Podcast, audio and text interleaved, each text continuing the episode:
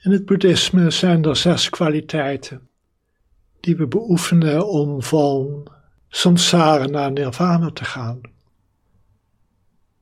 Het beeld wat de Boeddha daarbij gaf was een rivier met aan de ene oever samsara en aan de andere oever nirvana. En de zes kwaliteiten die we beoefenen, ook wel de zes paramitas genoemd, vormen de boot waarmee we die rivier oversteken. En die zes zijn vrijgevigheid, moraliteit, geduld, ijver of inspanning, meditatie en wijsheid. En ik wil vanavond wat zeggen over de ijver, de inspanning die we ons getroosten in de beoefening.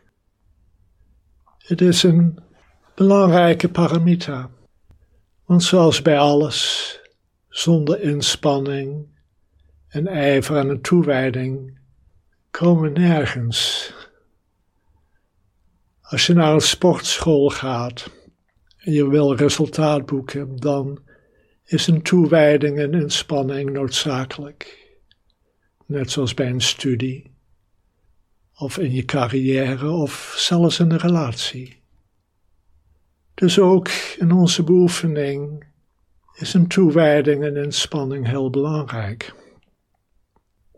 Vaak wanneer we mediteren, gebeurt het dat we een beetje zitten te worstelen met onszelf. We kunnen niet echt ontspannen, er gaan veel gedachten door ons heen. En hoe vaak is het dan niet dat we de meditatie stoppen en opstaan en wat anders gaan doen? Of we vinden dat we andere en betere dingen te doen hebben en geen tijd hebben voor even te gaan zitten en te mediteren. Of je zit en je weet dat over tien minuten het nieuws begint of een interessante film. En je laat de meditatie maar voor wat het is. Alhoewel we dan een inspanning doen om te gaan zitten, laten we die inspanning uiteindelijk afhankelijk zijn van wat er verschijnt aan gedachten en emoties.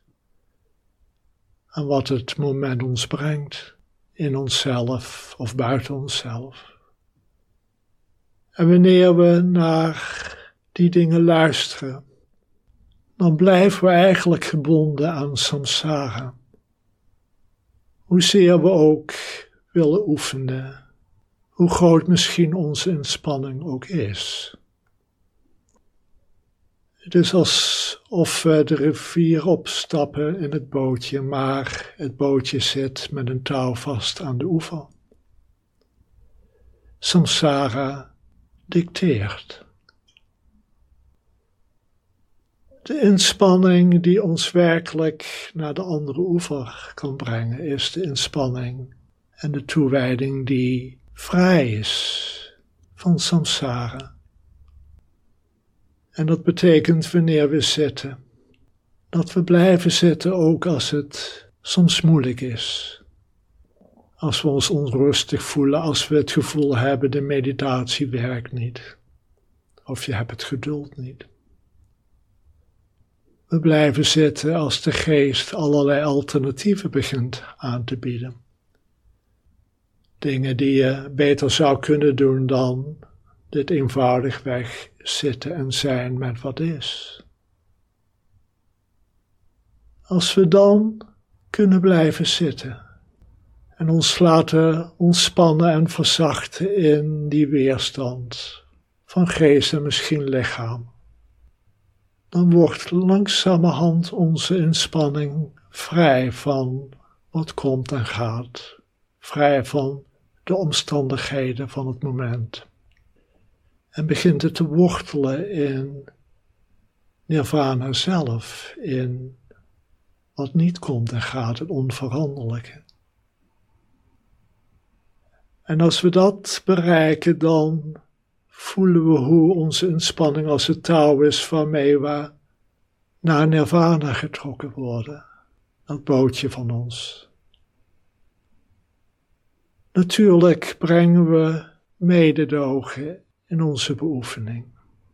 Dus als we zitten met grote weerstand, voeg dan niet een half uur toe aan je meditatie.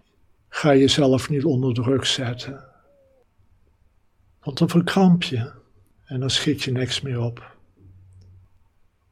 Maar blijf dan, zeg, vijf of tien minuten even zitten en probeer te verzachten en te ontspannen in wat zich voordoet. Als we op deze manier oefenen met inspanning en toewijding, zal je zien dat het steeds makkelijker is om de beoefening te doen, om te gaan zitten en te mediteren, ongeacht hoe je je voelt of hoe de omstandigheden zijn. Sterker nog, je gaat merken dat al die momenten waarin het moeilijk is, juist de meditatie de ruimte brengt, de stilte, de vrede. Steeds groter, steeds dieper. En zo worden we langzaam vrij van samsara en bereiken we gaandeweg nirvana. De dingen die komen en gaan zijn er geen belemmering meer. Dan is nirvana werkelijk vrijheid van wat komt en gaat.